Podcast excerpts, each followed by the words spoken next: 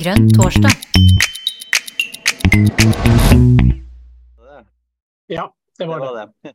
Ja, nei, men det, det er en god introduksjon. For uh, du skrev det at, uh, at, at, jeg skriver at jeg beveger meg innenfor grønn filosofi.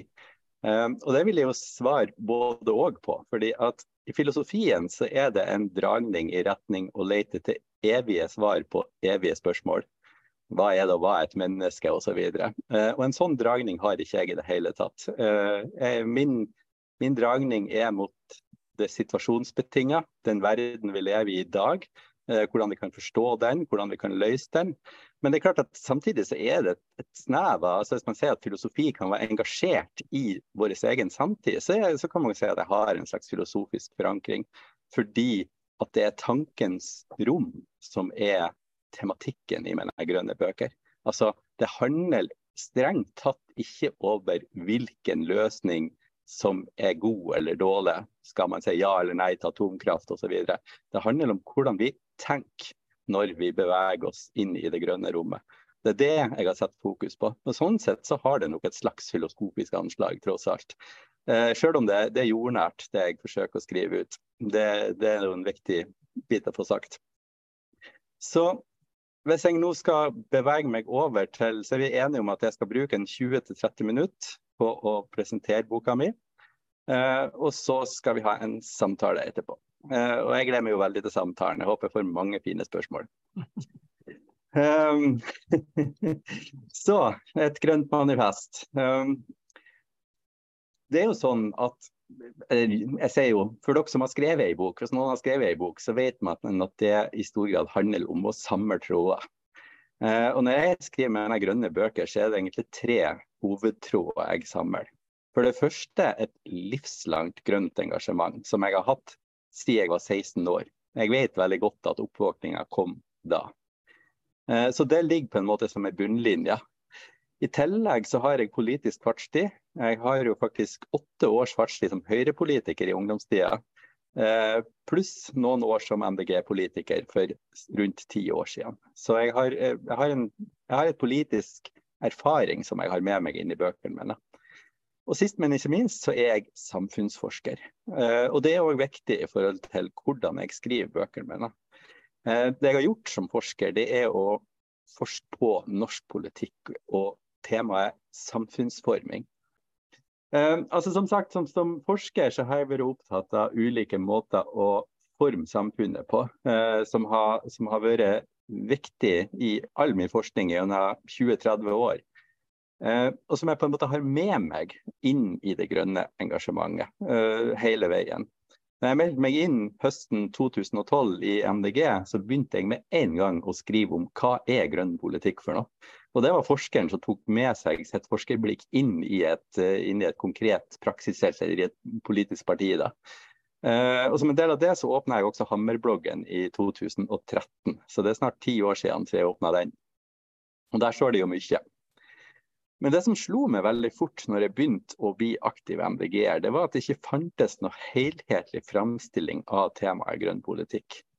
Og Derfor så bestemte jeg meg i 2014 åtte år siden bestemte jeg meg for at jeg skulle skrive den boka. Den kom ut i 2016 og het 'Fra evig vekst til grønn politikk'.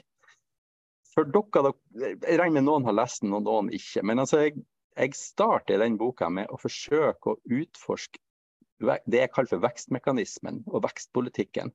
Jeg forsøker å vise hvordan den har grodd fram en lang tid, mange hundre år tilbake, men hvordan den har blitt styrka i det moderne samfunnet med vekstkompromiss mellom rød og blå politikk, med bruttonasjonalprodukt som et totem man danser rundt, eh, med den evige veksten som en, en, en slags sånn kriterium for om politikken fungerer bra eller ikke.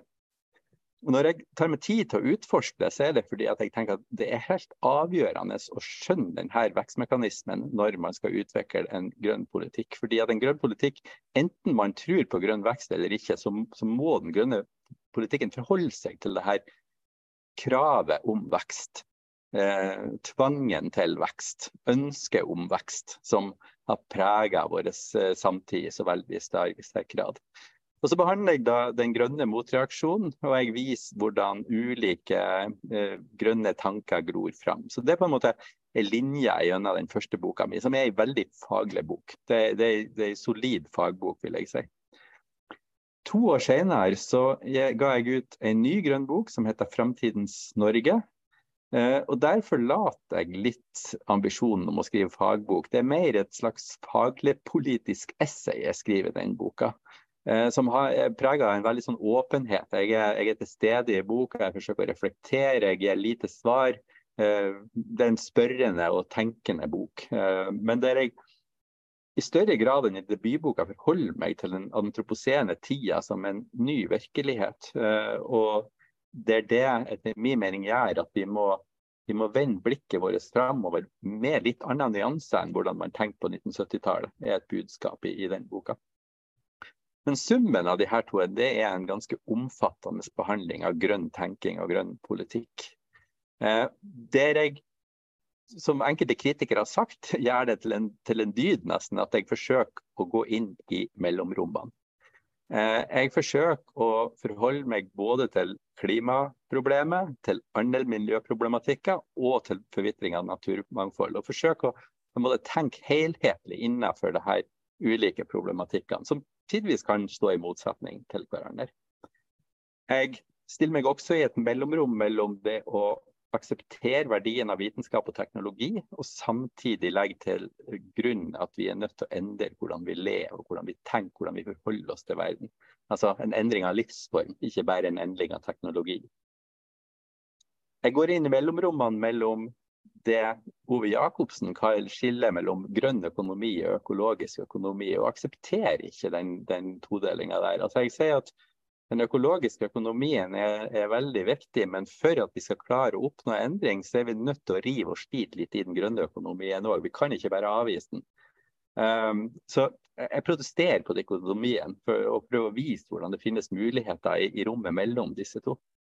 Og Sist, men ikke minst, så forsøker jeg å bevege meg inn i rommet mellom natur og menneske. Jeg forsøker å tenke rundt uh, Altså ikke tenke naturen på den ene sida og mennesket på den andre sida, men forsøk å tenke en, det som jeg etter hvert har begynt å kalle for en natur-menneskevev. Uh, et begrep som, som, på en måte prøver å gå på tvers av disse begrepene og tenke i rommet mellom dem. Uh, og det, det her er veldig viktig. altså Det er på en måte en, langsikt, en lang var i utvikling i min skriving, egentlig. Jeg var ikke der når jeg begynte i 2014 å skrive, men jeg har på en måte gjennom å skrive disse bøkene, så har jeg vært gjennom en voldsom erkjennelsesprosess der jeg har tenkt gjennom mye problematikker.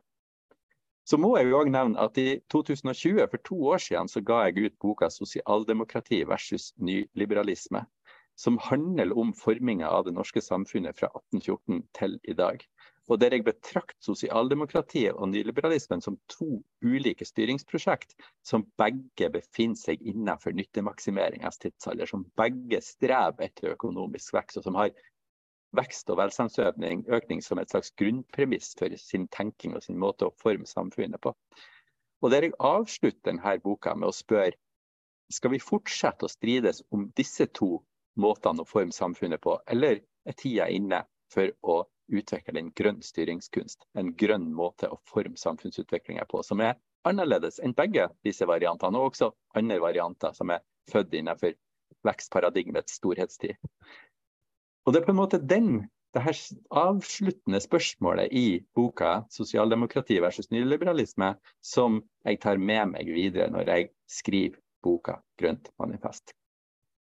Og Det jeg har tenkt å gjøre nå, det er rett og slett bare å gå gjennom eh, kapittel for kapittel den boka, eh, for å gi dere en smakebit, dere som ikke har lest den boka, hva den handler om. Og Jeg starter nettopp med en, med en refleksjon over forholdet mellom natur og mennesker. Eh, en refleksjon som legger til grunn at vi mennesker er natur, men samtidig er vi noe annet enn natur. Vi skiller oss ut fra naturen ellers. Eh, men at vi, det, det, er et både-og der som som jeg tenker er veldig viktig at man forholder seg til. Uh, og som mange på en måte ikke helt har forholdt seg til. fordi at jeg identifiserer uh, via en amerikansk forfatter som har skrevet om, om grønn politisk tenking, så identifiserer jeg og, og skriver videre om en dikotomi som nok har forma veldig mye tenking. Der man på den ene sida har det jeg kaller for perspektiv M for menneskelig mestring.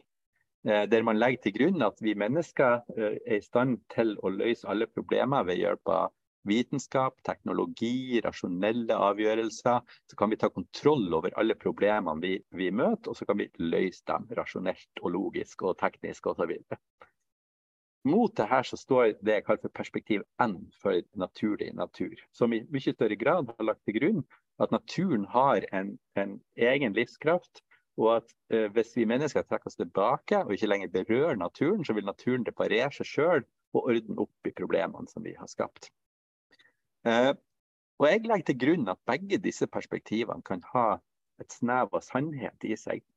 Men at det er problematisk at veldig mye For de, dere som er med på Facebook-gruppa Grønn debatt, så er den tidvis en krigssone mellom folk som, som, representerer de her to perspektivene.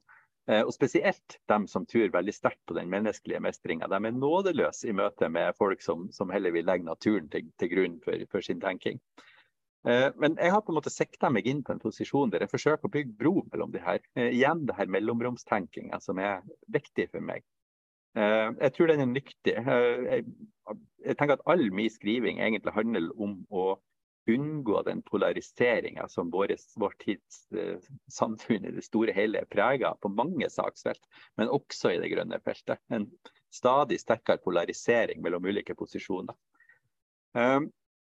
Og jeg sier at i den antroposene virkeligheten, altså etter 10 000-12 000 år i en eh, epoke på jordkloden som har vært prega av et relativt stabilt klima. Eh, selvfølgelig det har vært klimatiske endringer, eh, og det har vært miljøkatastrofer, det har vært sivilisasjoner som har kollapsa osv. Men likevel, de siste 10 000-12 000 årene så har vi levd innenfor en ganske stabil tid. Eh, og denne tida er vi på vei ut av som en effekt av eh, menneskeheten har satt så kraftige spor etter seg at vi har endra ikke bare hva som skjer i, i naturen og i, og i enkeltsfærer som biosfæren eller atmosfæren, men også hvordan disse ulike sfærene virker på hverandre. Så menneskeheten er på en måte blitt en sfære i seg sjøl som påvirker jordkloden og, og jordsystemet sin funksjonsmåte. Og Det betyr det er på en måte et, et, et dobbelt paradoks her. For det første, vi mennesker har måttet erkjenne at vi hadde mer makt enn vi hadde trodd. Går man litt tilbake, så kan ingen mennesker forestille seg at vi kan påvirke jordkloden. Vi har måttet erkjenne at vi har mer makt enn vi trodde. Men gjennom den makta er vi blitt mer utrygge. Det er paradoks nummer én. Makt, men utrygghet. Eller makt og utrygghet på en og samme tid. Og det andre paradokset er at naturen har kommet til å vakle mer enn vi trodde var mulig. Men det har også gjort den mer truende. Altså, Det som vakler, er samtidig blitt mer truende og farlig for oss. Det er også et paradoks som gjør at altså hvis man tar inn disse paradoksene, så innser man at det nok hadde blitt formulert en del tanker i det grønne feltet gjennom de tiårene som har gått, som kanskje ikke helt er på linje med den verden vi er i i dag, og den verden vi kommer til å måtte møte i framtida. Fordi at det her paradoksene, eh, at vi påvirker og har mer makt enn vi trodde, utryggheten, naturen som vakker og er blitt truende, det, det er blitt mer tydelig i dag enn det var eh, når den grunne tanken ble født for en del tiår siden. Så det er grunnen til at jeg har gjort eh, begrepene natur-menneskeveven og natur-samfunnveven. Jeg bruker dem litt vekselvis, natur-menneske og natur-samfunnvev. Eh, til grunnbegreper. Eh, og Spesielt det med natursamfunnet har jeg ikke sett noen andre plasser. Så, så, jeg tror det er et nytt begrep eh, som jeg sjøl finner veldig nyttig, fordi at det åpner tanken på en annen måte enn, enn hvis man ikke bruker de begrepene. Og Her tenkte jeg jeg skulle ta og lese, lese et lite utsnitt fra side 21 i boka mi. Altså I forlengelsen av at jeg har etablert natur-samfunnveven som et grunnbegrep, så sier jeg For noen handler miljøkampen mest om hva de vil si nei til. For andre dreier det seg helt motsatt om å si ja til absolutt alt som har et snev av grønnfarge. Tankene våre bør favne bredere og dypere. Noen grensemarkører et hit, men ikke lenger, er OK å få plass. Men vi bør prate mer om hva et grønt, godt grønt samfunn er, og hvordan det kan utvikles. En reindyrka motstandskamp uten visjoner er på linje med å forlate jobben halvgjort. Det er på en måte programerklæringa mi. Den omforminga vi skal gjennom, kommer til å gripe inn i samfunnets innretning, i økonomiens funksjonsmåte, i samspillet mellom politiske styringsgrep og næringsbasert utvikling, i utforming av byer, bygder og transportårer, i produksjon og bruk av energi. Alt dette og mer til, med sikte på å utvikle en balanse der vår relasjon til naturen fungerer bedre enn i dag. Det er på en måte jeg tenker, programerklæringa til boka mi.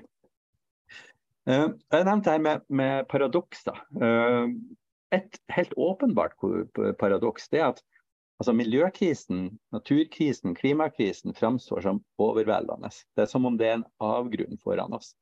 Men samtidig så ser man jo at verden tidvis preges av en økonomisk, teknologisk og vitenskapelig optimisme som er voldsom. Uh, der det har blitt en sånn, sånn, tendens til at som forbrukere så tenker man at miljøkrisene kan løses gjennom at vi kjøper grønne produkter. Eh, og Den tanken slår, hopper jo selvfølgelig de fleste politikerne på, fordi at det er et løfte om at vi kan fikse problemene uten å endre på livsstilen vår i det hele tatt. Så gjennom at det er denne trenden som, som på en måte preger eh, politikkutforminga i miljøfeltet som, som veldig sterkt, så kan man si at den menneskelige mestringa har en veldig sterk posisjon i politikken i dag.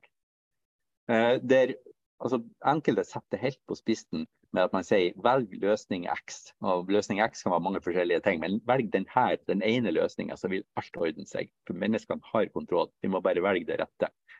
Eh, jeg tenker at dette er et eh, naiv tro på, på hva vi har muligheten til. Det bringer oss videre til kapittel to eh, i boka mi, der jeg eh, framstiller en grågrønn kampsone. Og For dere som var med på de nettmøtene som Ingrid Liland eh, hadde i oktober, så hadde dere fått en veldig grundig gjennomgang av disse ni tenkemåtene som jeg identifiserer. Og Hvis dere ikke var det, så, så må dere nesten lese boka, for jeg har ikke tid til å gå gjennom alle ni. Men jeg skriver én ting, for å lese opp et sitat til fra boka, på side 28.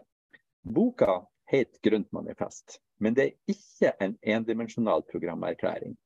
Målet er å utfordre til refleksjon over hva slags mulighetsrom vi har på veien til framtida. Jeg søker ikke følgere som er enig med meg i alt. Det grønne skiftet er ikke, og det kommer aldri til å bli, et ensarta program der alle går i takt. Snarere kan vi se det som vår tids store kampfelt. Stadig flere, jeg vil si nesten alle, har akseptert at miljøproblemene må møtes aktivt. Men hvem, hva, hvordan og hvor raskt er vi rasende uenige om. Og Med dette som et utgangspunkt så identifiserer jeg som sagt ni ulike tankespor, som handler om alt fra å fortsette som før til radikal kritikk på forskjellig vis. Det, det, det er dypgrønn radikal kritikk, det er rød radikal kritikk. Eh, jeg viser hvordan det er etablert posisjoner der det moderne samfunnsmaskineriet har forsøkt å ta inn miljøtanken. Og jeg forsøker å vise hvordan det finnes også i dag mer radikale posisjoner, som ikke er radikale på samme måte som på 70-tallet, der, der, de tidlige radikale reaksjonene kom, men som fortsatt ønsker en annen samfunnsutvikling. Og så velger jeg innenfor dette her, velger jeg to spor og sier at jeg skal utvikle boka mi innenfor disse to sporene. Uh, og de er spor sju, uh, som heter 'Vi kan leve med to nedtoner og likevel ha det bra'. Det er en tanke om at vi kan forme både oss sjøl som mennesker og samfunnet vi lever i, på en annen måte der vi frigjør oss ifra denne tanken om at vekst er absolutt nødvendig hele tida. Dernest er det et spor som jeg har formulert med vi bearbeider en endret natur-menneskevev med gartnerhånd. Det er et spor som i større grad maner til en aktiv tilstedeværelse, der vi ikke bare trekker oss tilbake, men faktisk aktivt tar et forvaltningsansvar overfor de problemene vi har skapt. Um, og så forsøker jeg altså med det som et utgangspunkt å utlede et manifest. Uh, så på en måte, Jeg har valgt det grepet fordi at, uh, at jeg, jeg, er ikke en endimensjonal person. Jeg får ikke til å påstå at jeg min posisjon representerer en sannhet som ingen andre har, og, og at alle andre tar feil. Jeg får, jeg får, ikke til å si det, rett og slett. Men ved å på en måte identifisere disse tankesporene og si at jeg stiller meg her, så åpner jeg meg på et vis for at andre muligheter eksisterer. Men hør nå her, sier jeg. Nå skal dere høre hvordan jeg vil gjøre det. Um, og da er det begreper som bærekraft, genuin bærekraft, økologisk bærekraft som sentralt sirkularitet, kretsløpsøkonomi økonomi og regenerativ utvikling. Det regenerative handler om at vi organiserer samfunnet på naturens premisser på et vis som ikke bare unngår å ødelegge natur, men at vi faktisk organiserer livet vårt sånn at vi bidrar til å bygge natur og styrke livskraften i naturen, hvilket er mulig. Um, lytt mer til naturen, samspill i naturen, lær av naturen. Uh, i måten vi former samfunnsutviklinga på. Så naturens gjendanning og naturens livskraft kan bli nesten en modell og en ledesnor for hvordan vi former samfunnet vårt. Det, det, er på en måte det budskapet jeg forsøker å forme gjennom eh, det grønne manifestet. Og I det her så forankrer jeg meg ganske tydelig i FNs naturpanel. fordi at jeg har jo til min store glede oppdaga at det begrepet som jeg for flere år siden gjorde til mitt grunnbegrep, nemlig grønn transformasjon, det er også noe som FNs naturpanel bruker veldig aktivt. Og vi bruker ordet transformasjon på samme måte. Uh, og Det bruker jeg å illustrere, det har jeg gjort skriftlig òg, med å peke på leken Transformers, som sikkert mange enten har leka med sjøl, eller i hvert fall har unger som har leka med. Der man vrir og vender og justerer på delene, og gjennom gjør det, så omdannes leken fra én ting til noe helt annet. Og Det er på en måte hva en transformasjon handler om. Man skal ikke forkaste det bestående. Man skal bare vende i en annen retning. Man skal få faktorene til å stå i relasjon til hverandre på en annen måte enn før, sånn at helheten beveges i en ny retning.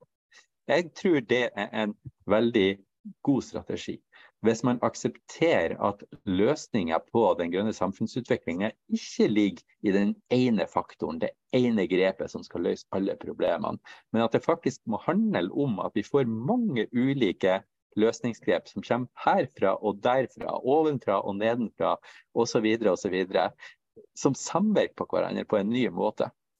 Eh, og En sånn tankemåte det gjør på en måte at, at selv om man erkjenner at mange av problemene betinger internasjonale, globale løsningsspor med avtaler og systemer, så er ikke det til for verdien av endringsimpulsene nedenfra. Fordi at nettopp det her med at ulike grep må møte hverandre, blir på en måte et grunnpremiss i en tanke om transformasjon. Uh, så derfor så, altså, jeg, jeg, liker det begrepet veldig godt, og jeg ble veldig glad når jeg så at FNs naturpanel løfta det opp med kraft. Gjorde det til et sentralt begrep. Etter at jeg har uh, i kapittel tre har valgt min posisjon og sier nå vandrer vi videre. Jeg har valgt det sporet jeg vil utforske, og så kommer resten av boka til å handle om det her sporet. Så kommer kapittel fire der smultringøkonomien står uh, veldig uh, sterkt. Jeg fikk litt tilbakemelding her på, fra ei som sa at, at, smultring det er jo ikke noe sunt, så hvorfor kaller vi det smultringøkonomi? Og det, er jo, det er jo en greit tilbakemelding. Men altså, poenget her det er den ringen. Uh, jeg kan like gjerne tenke det som ei livbøye. Um, men jeg syns det er en god modell. Fordi at Det tegner opp en modell uh, der det gode livet er på en måte i denne sirkelen. Uh, den gode, grønne sirkelen. Uh, der et blomstrende menneskesamfunn kan etableres. Og så er på en måte hullet i midten det er der vi faller hvis vi ikke dekker menneskene sine kritiske livsbehov. Mens det som er utenfor smultringen eller livbøya, det er naturens kritiske livsbetingelser. Så det modellen i all enkelhet visualiserer, er jo det at vi må hele tida tenke, vi må hele tida organisere samfunnet sånn at vi befinner oss innenfor denne gode grønne ringen. Der vi ikke detter ned i det hullet i midten, og heller ikke rammer ut på utkanten. Vi beholder oss i denne blomstrende samfunnet i midten. Um, og det, det, ligger et veldig sterkt sosialt budskap her. fordi Det sier at den, det å skape et godt grønt samfunn handler faktisk om at vi må ivareta hverandre. Og at vi må ha gode mekanismer for omfordeling. fordi at hvis vi skal redusere veksttvangen i økonomien og i samfunnet vårt, men samtidig skal ivareta alle så kan vi ikke leve i en verden der ulikhetene vokser og blir større for hvert år som går. Det går ikke. Vi må ut av den tanken. Så det kritiske spørsmålet i smultringsøkonomien er jo det her kan vi få et samfunn til å blomstre uavhengig av om økonomien vokser eller ikke. Det er en mild form for vekstkritikk som egentlig avstår fra å gå inn i den tekniske diskusjonen om grønn vekst er mulig eller ikke. Fordi at man sier, La oss legge hele den diskusjonen til side og så stille heller seg spørsmålet hva skal til for å skape et godt samfunn? Hva skal til for å skape et samfunn som blomstrer, uten at vi ødelegger natur, der vi ivaretar mennesker? Jeg har veldig sans for den måten å tenke på, fordi at man unngår å gjøre den, eh, den grønne politikken og den grønne samfunnsforminga til en teknisk diskusjon eh, når man går inn i det på en sånn måte. Etter at jeg har skrevet om det her, som er på en måte en slags sånn type si, en overordna allmenn posisjon jeg inntar eh, i manifestet mitt, så går jeg gjennom fem kapittel der jeg beveger meg ifra det lille og det nære, det individuelle, og oppover til nasjon og videre til det globale fellesskapet og til planeten som helhet. Altså jeg beveger meg nedenfra og opp. Det første kapitlet det het 'Et godt liv uten stadig mer av alt'. Um, og Det trykkes faktisk i sin helhet i neste nummer av Ny tid, så vidt jeg har forstått. Um, jeg har vært raus nok til å dele det der. Det, blir, det er alltid artig å bli lest. Um, men det her skriver jeg om det her at vi må bli flinkere som mennesker og tenke at bra nok er bra nok. Vi må slutte å hele tida strebe etter mer. Eh, og vi må åpne oss for en mulighet for å bli noe annet enn vi er blitt. Fordi at Min tese eh, i forhold til boka 'Sosialdemokrati versus nyliberalisme' er jo at vi er blitt forma som mennesker som skal etterstrebe vekst. Ikke bare for vår egen del, men også for samfunnets del. Vi er blitt forma i et bilde, i en posisjon etter det å strebe etter stadig mer har blitt si, livsnerven i samfunnet. Og det er det mulig å gå bort ifra. Og vi kan starte med oss sjøl, er budskapet mitt. Og gjennom å starte med oss sjøl, så kan vi også gi impulser til en større kulturendring. Som vil preges av impulser nedenfra og opp. Etter at jeg har gått gjennom det her med et godt liv uten, stad, uten stadig mer av alt, så beveger jeg meg et lite hakk opp og skrive et kapittel om lokal bærekraft i levende landskap. Der jeg tar et utgangspunkt i, i For ca. et år siden så var jeg i en kort periode leder i noe som heter Okstinnan natur- og kulturpark, som er en del av Norske Parker. Eh, og Norske Parker er en organisasjon som igjen er en del av europeiske parker, der det finnes 1000 parker rundt omkring i hele Europa som jobber med bærekraftig utvikling nedenfra og opp i lokale landskap. Uh, og Selv om jeg ikke var helt, uh, helt til å være leder i en av disse parkene, uh, så var erfaringa utrolig fin. Det ga meg en, en, type erfaring i hvordan man kan jobbe og tenke rundt det her med å skape bærekraftig utvikling nedenfra og opp, som jeg forsøker å presentere i kort format i dette kapitlet. For deretter å bevege meg over i en diskusjon om bærekraftig landbruk, bærekraftig havbruk og mulighetene for et eh, økt satsing på lokale kretsløp. Altså en lokal og regional eh, sirkulær økonomi. Et sirkulært samfunn der, der vi reparerer og gjenbruker og omsetter i, i, små sirkler fremfor å gjøre alt i store sirkler.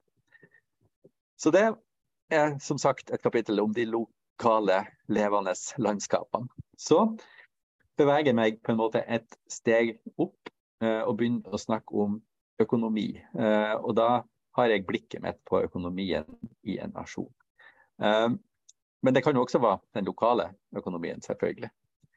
Jeg forsøker der å beskrive en økonomi som er grønn, men som er prega av dynamikk, sirkulasjon og omfordeling. Der vi tar opp igjen tråden fra det her smultringøkonomien, der det vi legger til grunn at poenget ikke lenger, altså det målet er ikke lenger mest mulig vekst. Målet er å skape et blomstrende samfunn der man reflekterer over hvordan bør økonomien fungere hvis vi skal få til et blomstrende samfunn som ikke eh, utgjør en trussel overfor naturen. Og Her tar jeg opp denne diskusjonen som er nevnt innledningsvis om forholdet mellom grønn og økologisk økonomi. Jeg forsøker å vise verdien av å gå inn i mellomrommene og ikke lage en absolutt dikotomi. Som jeg, jeg, er, jeg er veldig viktig og opptatt av at vi ikke skal gjøre. Fordi at Hvis vi lager en dikotomi der uh, og isolerer oss i en, en, liten sånn utop, en litt for utopisk posisjon, så vil det bli en enorm avstand til dem som er maktas forvaltere i det norske samfunnet. Man vil ikke nå fram, man vil ikke klare å påvirke. Men hvis man derimot åpner seg i retning den grønne økonomien med ambisjon om å gjøre den mer økologisk, gjøre den mer dypgrønn enn den er, så tror jeg man har mulighet til å skape endring. Eh, jeg går ganske grundig inn i temaet sirkulær økonomi og vises hvordan det kan tenkes eh, på litt ulike vis. Eh, med mål om å, om å åpne for en refleksjon om at den sirkulære økonomien er faktisk blitt et politisk fellesprosjekt. Alle de politiske partiene ønsker en overgang til en sirkulær økonomi. Mer eller mindre. Eh, og nettopp derfor så tenker jeg det er kjempeviktig at et grønt parti som Miljøpartiet De Grønne er, altså går aktivt inn i den sirkulære økonomien med sikte på å gjøre den så dypgrønn som mulig. Fordi det ligger en åpning i den sirkulære økonomien for at det er bare enda en variant av vekstpolitikken. Og Kanskje det egentlig er det for de veldig mange. Men nettopp fordi at det er et rom som det går an å rive og slite i, så finnes det et potensial her som jeg håper at man kan bidra til å måte, styrke. Jeg viser som en bit av det her at, eh, at eh, overgangen til en sirkulær økonomi vil være overgang til en mer arbeidsintensiv økonomi. Fordi at man trenger økt satsing på reparasjon. Man trenger økt satsing på, på næringsliv som, som, jobber med å reparere og, og, og skape disse sirkulasjonene og gjenbruken av produkter. Um, og uh, at det her åpner helt klart for, for en type dynamikk nedenfra og opp. Uh, der man kan stimulere aktører. Jeg ser bare på min egen heimplass hvordan det finnes masse sirkulære aktører allerede. Man har ei systue, man har eh, ei som driver og omsyr gamle klær. Eh, vi har en av Norges fremste sirkulære bedrifter som, som gjenbruker eh, plastavfall til å lage nye produkter. altså Man har masse som foregår. og det er klart at Disse prosessene kan spilles på og utvikles videre via prosesser som foregår nedenfra opp. Så for meg så er det her det ligger et liberalt budskap der. Det ligger et budskap om at nei, vi skal faktisk ikke tro at en, at en uh, dypgrønn, uh, miljøvennlig økonomi nødvendigvis bare skal skapes ovenfra og ned gjennom vedtak og innramming. Det trenges òg. Vi trenger både lovverk og, innramming som er tydeligere. Men impulsene nedenfra og opp, vi må aldri glemme verdien av dem. Uh, legger jeg veldig vekt på. I tillegg så har jeg en, eh, et par snutter i det kapitlet der jeg presiserer igjen det her med sosial inkludering.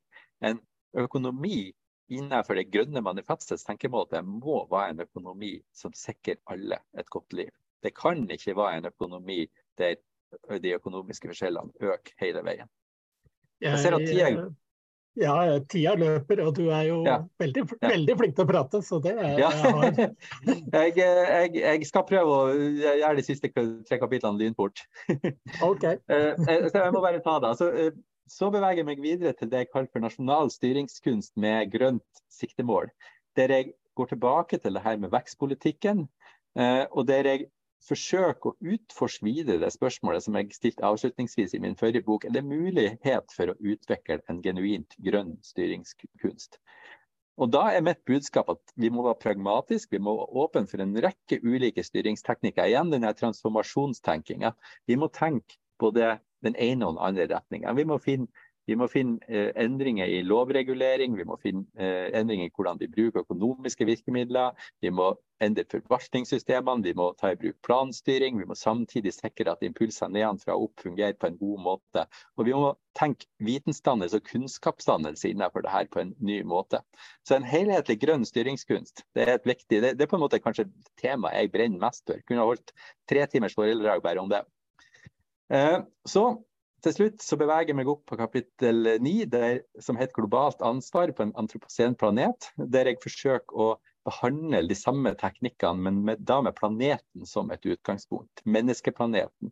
Hvordan vi kan forholde oss til den, og hvordan vi kan møte behovet for å skape endring på globalt nivå.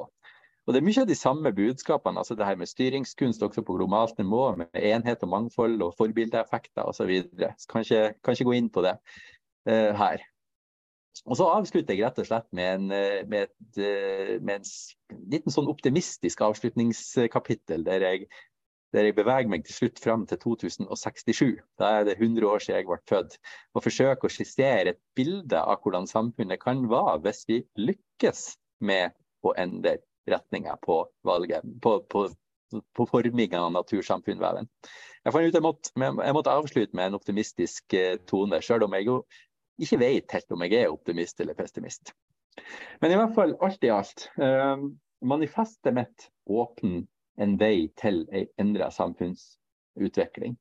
Det er kritisk, og det vil skape en systemendring, en helhetlig systemendring. Men det er ikke utopisk, og det er ikke revolusjonært. Når jeg snakker om den grønne transformasjonen, så er det en vei som for meg er realistisk. Den er forankra i det samfunnet vi har, det vi tar med oss det beste, og så endrer vi på andre ting. Sånn at vi beveger helheten i en grønnere retning. Um, og med det så skal jeg slutte. Sorry at jeg brukte for lang tid. Nei da, det, det, har gått veldig fint. Eh, jeg har jo selvfølgelig oppfølgingsspørsmål osv. Eh, men eh, jeg vet, eller jeg har en sterk mistanke om at det er veldig mange andre som har spørsmål her. Og min medprogramleder Mariken har i hvert fall eh, gjort klar eh, noe.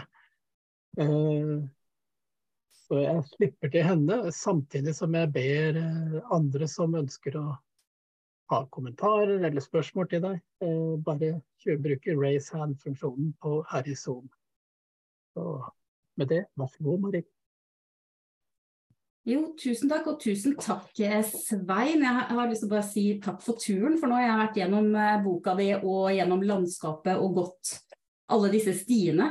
Eh, veldig spennende på en måte å, å eh, bevege seg oppover de ulike spora. Og eh, det hadde jo kanskje blitt en helt annen bok hvis du hadde landa på et av de andre. Det kunne vært eh, mange ulike bøker man kunne skrevet langs de ulike sporene.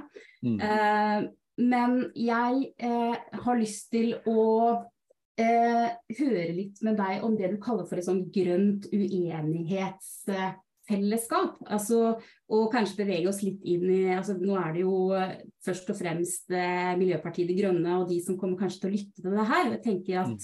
vi er jo, eh, som alle andre partier, består av veldig mange forskjellige mennesker. Med eh, sikkert, selv om vi har de grunnleggende grønne prinsippene, så er vi, som du nevnte tidligere, eh, ofte rykende uenige om hvordan vi skal utforme miljøpolitikken, og hva som er de på en måte riktige eh, grepa for å komme fram til en bærekraftig framtid. Eh, så jeg lurte litt på eh, hvordan skal man klare å stå i den type uenighet internt? For det fører ofte til både noen gnisninger, og eh, i verste fall så melder folk seg ut fordi man ikke klarer å stå i den uenigheten. Eh, så kan du dele noen tanker om hvordan vi kan legge til rette da, for et trygt, grønt uenighetsfellesskap. Har du noen erfaringer og tanker om det? Det er jo faktisk sånn at, eh, at min vei inn i disse grønne bøkene men jeg starta når jeg var uh, først politisk valgkampleder og etter hvert leder i Trøndelag MDG. Eh, for jeg har arrangert en lang seminærrekke på 35 seminarer der vi møttes en gang i veka for å diskutere eh, grønn politikk og grønn tenking. Og Det var jo da det virkelig slo meg at vi, her var vi en gjeng, stor gjeng som var med i MDG alle sammen, men himmel og hav så uenige vi kunne være. Og, og, det fascinerte meg. og samtidig så jeg var, jeg var, på landsmøtet i MDG i 2013, og det var et parti som på en måte var i en overgangsfase mellom, mellom det gamle si, dypøkologiske og veldig radikale partiet og det mer moderne partiet som, som var i ferd med å skapes. Uh, og der Noen folk hang igjen i det som var, mens noen var entusiastisk til stede i, i det partiet var i ferd med å bli. Ehm, så det var jo åpenbart et enormt spenn i partiet. Ehm, man hadde ulike verdier, man hadde ulike tanker om veien videre. Men likevel så opplevde jeg nettopp det, at det var et grønt uenighetsfellesskap. Var, det, jeg syns det, det, var en harmoni i det partiet som, som, jeg møtte den gangen, som jeg likte veldig godt. Jeg likte veldig spennende, jeg likte evnen til å lytte. Altså, selvfølgelig det var noen som ble sint, det var noen som meldte seg ut, men det skjer i alle partier. Uh, men, men, grunnleggende sett så, så, ga det meg en god følelse. og jeg tenker at Steg nummer én det er jo at flere flest mulig folk slutter å tenke at min posisjon er sannheten og veien, men absolutt alle tar helt feil. Hvis vi klarer å legge det bort, eh, hvis man klarer å, å, å, være enige om at man har en felles interesse av å skape en god grønn framtid, eh, så tror jeg jo at man, de fleste vil være i stand til å lytte til hverandre og søke løsninger på kryss og tvers. Så jeg håper, jo, jeg håper, jo, at man klarer det internt i MDG. Også i tider altså Ingrid Lidland har jo sagt veldig ærlig at hun kanskje føler at hun har vært med på å modernisere partiet for mye. At den linja er blitt strøkken for langt. Eh, at man skulle beholdt litt av, disse verdiene som var der, litt mer. Og jeg er enig med Ingrid i det. Eh, jeg tror det er veldig viktig. Men, men hvis man bevarer denne, denne åpenheten for at, at, eh, man aldri når fram til et endelig punkt. At, at, veien er en prosess. Det er jo et veldig viktig budskap i boka mi. At vi, vi skal ikke tenke en entydig oppskrift. Vi skal ikke tenke et endelig punkt der alt skal være løst og alt var bra. Men vi tenker det her som en prosess, der vi må løse problemene etter hvert som vi går veien. Må lage veien mens vi går den, rett og slett så tror jeg det blir lettere for de fleste å akseptere det. Men så vil jo, altså de større utfordringene det var jo selvfølgelig det som er der MDG møter andre parti. For der må det jo også skapes et grønt uenighetsfellesskap. For det er vel fullstendig urealistisk å tro at MDG noen gang får rent flertall på Stortinget. Så man, skal man skape en, en, grønn samfunnsutvikling, så er man jo nødt til å samhandle med de andre partiene og finne løsninger på tvers. Og da vil jo disse, dette uenighetsfellesskapet bli enda større. Uh, og Det er jo da jeg med bekymring ser inn i en sånn gruppe som Grønn debatt på, på Facebook. Der, der det tidvis har vært stygt mot hverandre. hvis man ikke, Fordi at de som inntar en posisjon, er stygge med dem som inntar en annen posisjon. Og Jeg syns det er så trist. Uh, men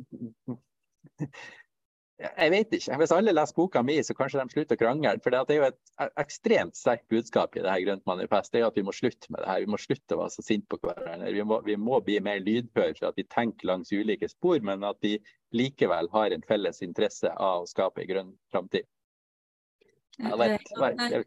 det er godt du kom inn på det. for jeg, Mitt neste punkt var egentlig altså Én ting er det grønne uenighetsfellesskapet internt som er på en måte tryggere, og man har en, noen grunnleggende prinsipper som gjør at det er enklere å, å stå i det. Men, men hva med ute i kommunestyrene, i bystyrene, mm. på Stortinget, eh, hvor man da møter eh, ja, både kanskje et sånn grått enighetsfellesskap, eller, eller, da en moderniseringslinje som vil beholde veksten.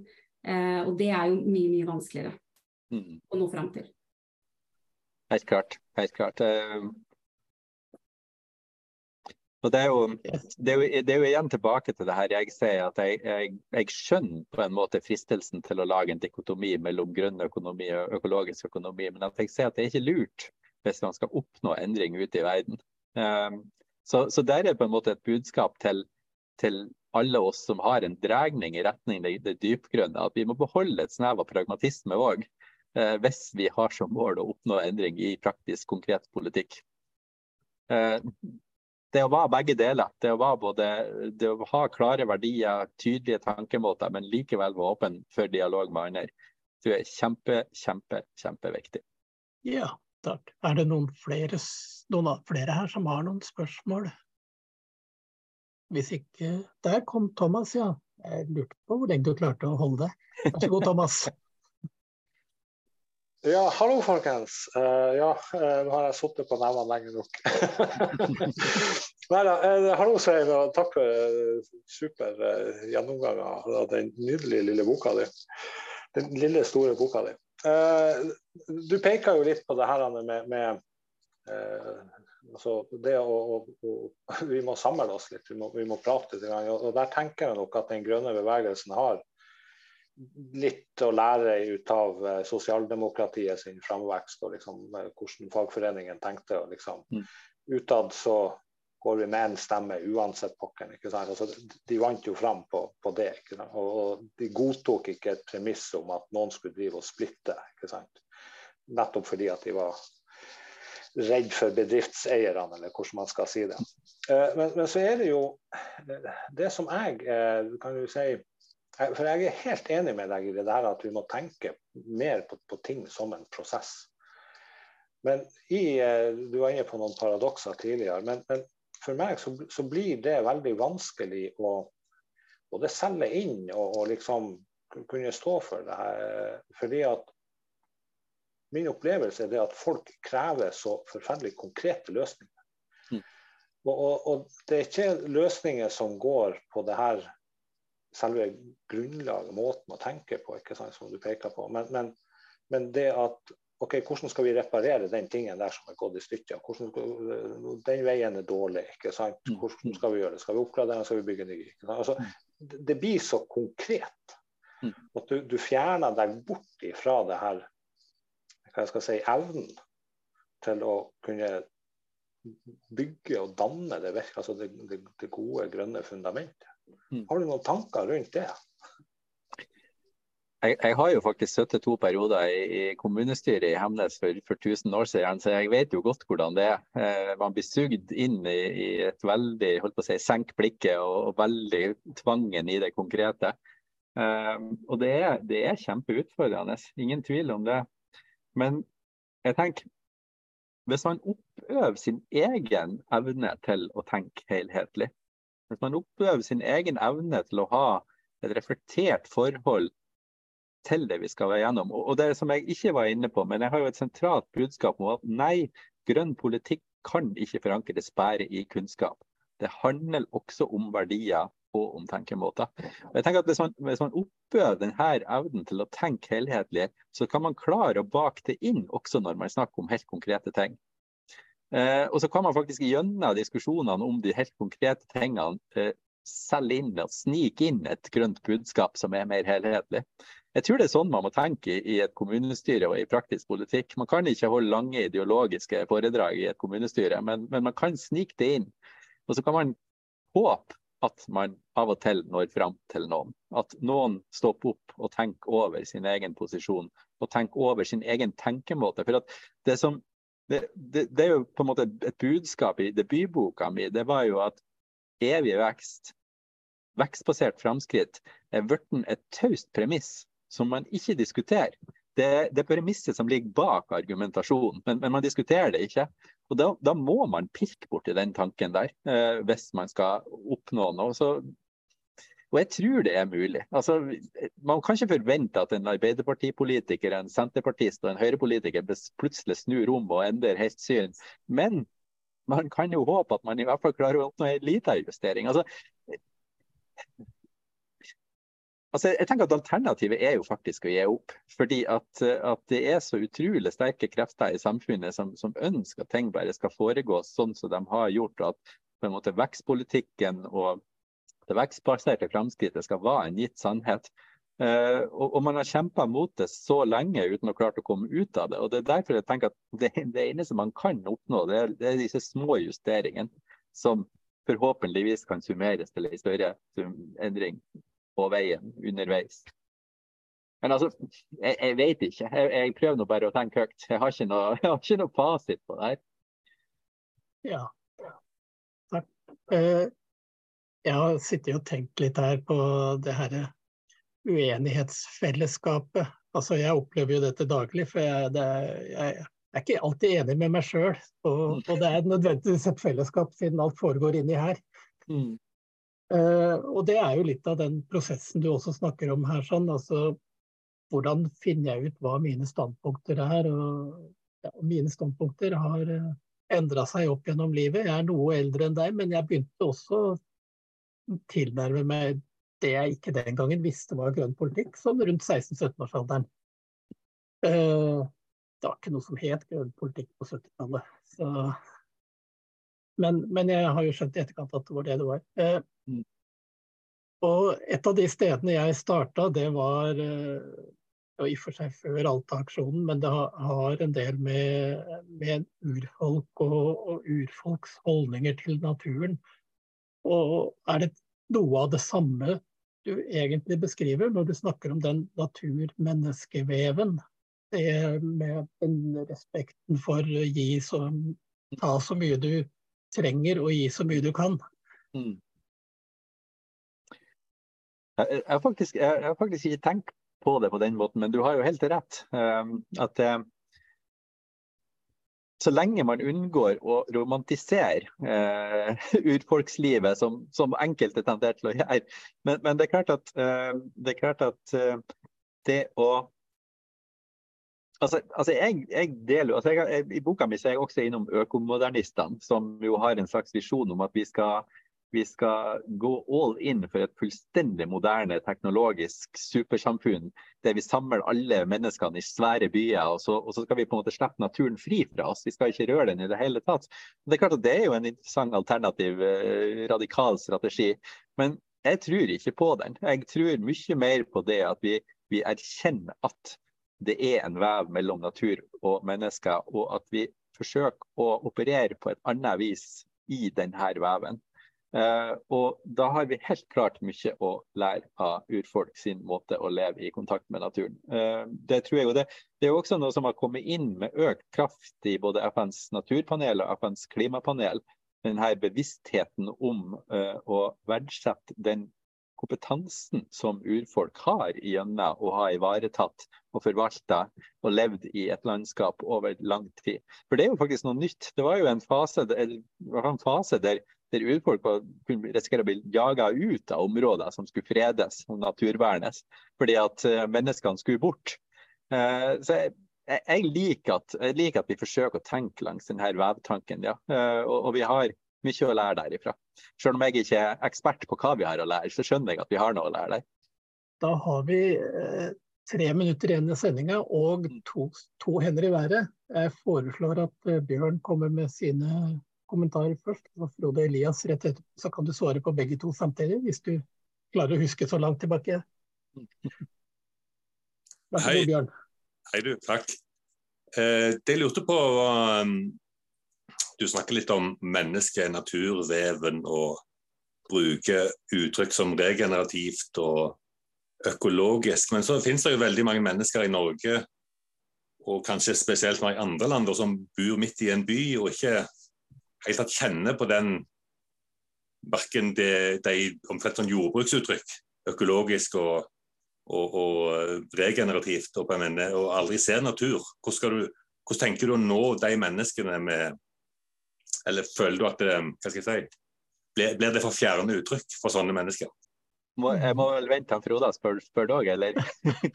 Nei, du kan jo hoppe på hvis ja. du er jeg, jeg, bare, bare kjapt, bare kjapt. Jeg tenker at i, i, Norge så er vi alle i kontakt med naturen. Det er Selv folk som bor, bor i Oslo er i kontakt med naturen. Det, altså, det finnes sikkert noen unntak, men, men, men, eh, men, jeg tror det går an å tenke, tenke det regenerative inn i, i i byer på størrelse i Norge. Men det er klart at hvis man går til, til kjempesvære byer i det store utlandet, så, så lever man jo tidvis fullstendig avsondra fra det meste av natur.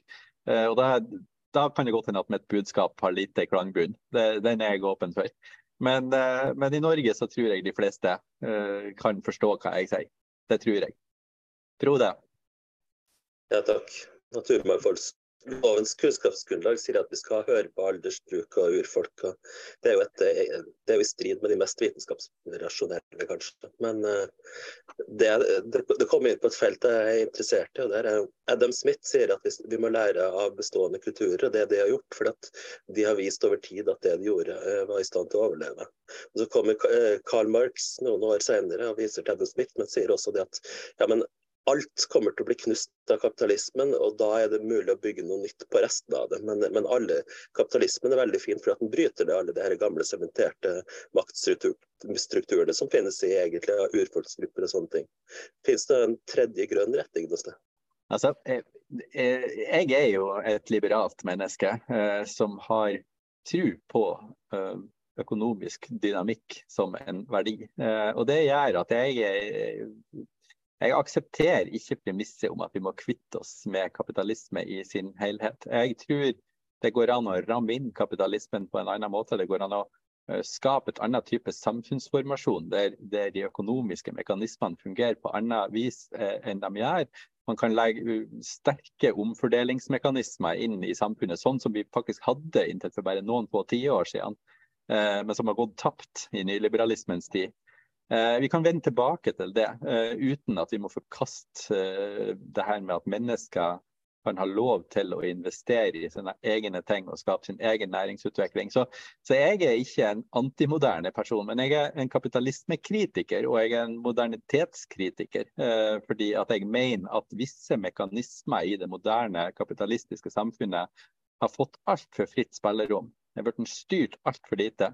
Uh, og spesielt har det skjedd de siste ti årene. Så jeg, jeg, jeg, tror nok at det er mange, mange utopisk tenkere innenfor den, den, grønne tenkemåten som går mer i retning av å hente impulser fra urfolk og fra alternative levemåter enn jeg gjør. Jeg forsøker å skrive fram en, en, en, ganske tydelig økologisk regenerativ tenking innenfor det liberale samfunnet. Og jeg tror det er mulig. Uh, så det, det, du åpner for, det er en stor diskusjon. og uh, jeg har jo faktisk ikke truffet deg, Frode, siden lanseringa av debutboka mi, så det er sannelig på tide at jeg og du tar en kaffe igjen snart. Uh, så jeg tror vi får ta diskusjonen videre der. Den er, den er stor og kompleks. Ja, det var det, det var det, første jeg tenkte når, når jeg hørte spørsmålet. Oi, dette ble stort.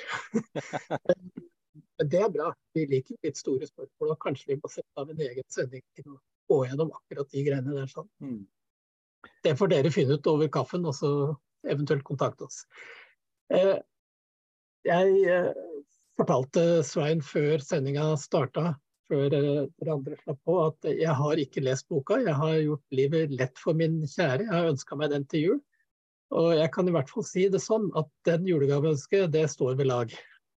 Så bra. Så, og eh, som en liten eh, greie, eh, Svein er eh, anbefales av sine forfatterkolleger å ta godt betalt når han gjør sånne ting som dette her, for dette er noe av det han lever av. Eh, nå har han ikke gjort det i dag, litt fordi han syns at det er fint å prate med oss, og litt fordi at Grønn torsdag har ikke noe penger. Vi bare gjør dette på frivillig basis. Men den enkleste måten å sørge for at han får iallfall noe penger ut av dette her, det er å gå og kjøpe bok. Og det er jo snart jul, så det er kanskje flere som trenger å lese en sånn bok. Den anbefales. Jeg har lest den to ganger allerede. Oh, herlig. Tusen takk for den anbefalinga. Så må jeg jo samtidig tilføye jeg planlegger en norgesturné. Jeg har uh, faktisk en rett uh, som jeg har opparbeidet meg til å få et reisestipend til neste år. Og den har jeg tenkt å bruke på en norgesturné der folk uh, som vil ha meg, må betale honorar for å få meg. Men dere slipper å betale reise og oppholdet, for det, det, finansieres via det stipendet jeg får. Så, så jeg håper jo at, at, vi skal få det til. og så så jeg er nødt, for at jeg er frilanser, jeg lever av det her, og jeg tjener nok lite på boksalget. Så, så jeg er nødt til å tenke litt penger, dessverre. Sånn er verden. Selv om jeg elsker å snakke om de temaene gratis.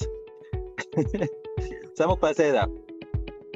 Da sier vi tusen, tusen takk til Svein Hammer. Og for de av våre eh, som deltar her i dag, som ønsker seg en helaften, så har vi akkurat starta en ny sending eh, på en annen Zoom-lenke om eh, det som skjedde på COP 27 i Sharm el Sheikh i Egypt, som ble avslutta for sist helg. Enda en time igjen å nyte grønn torsdag.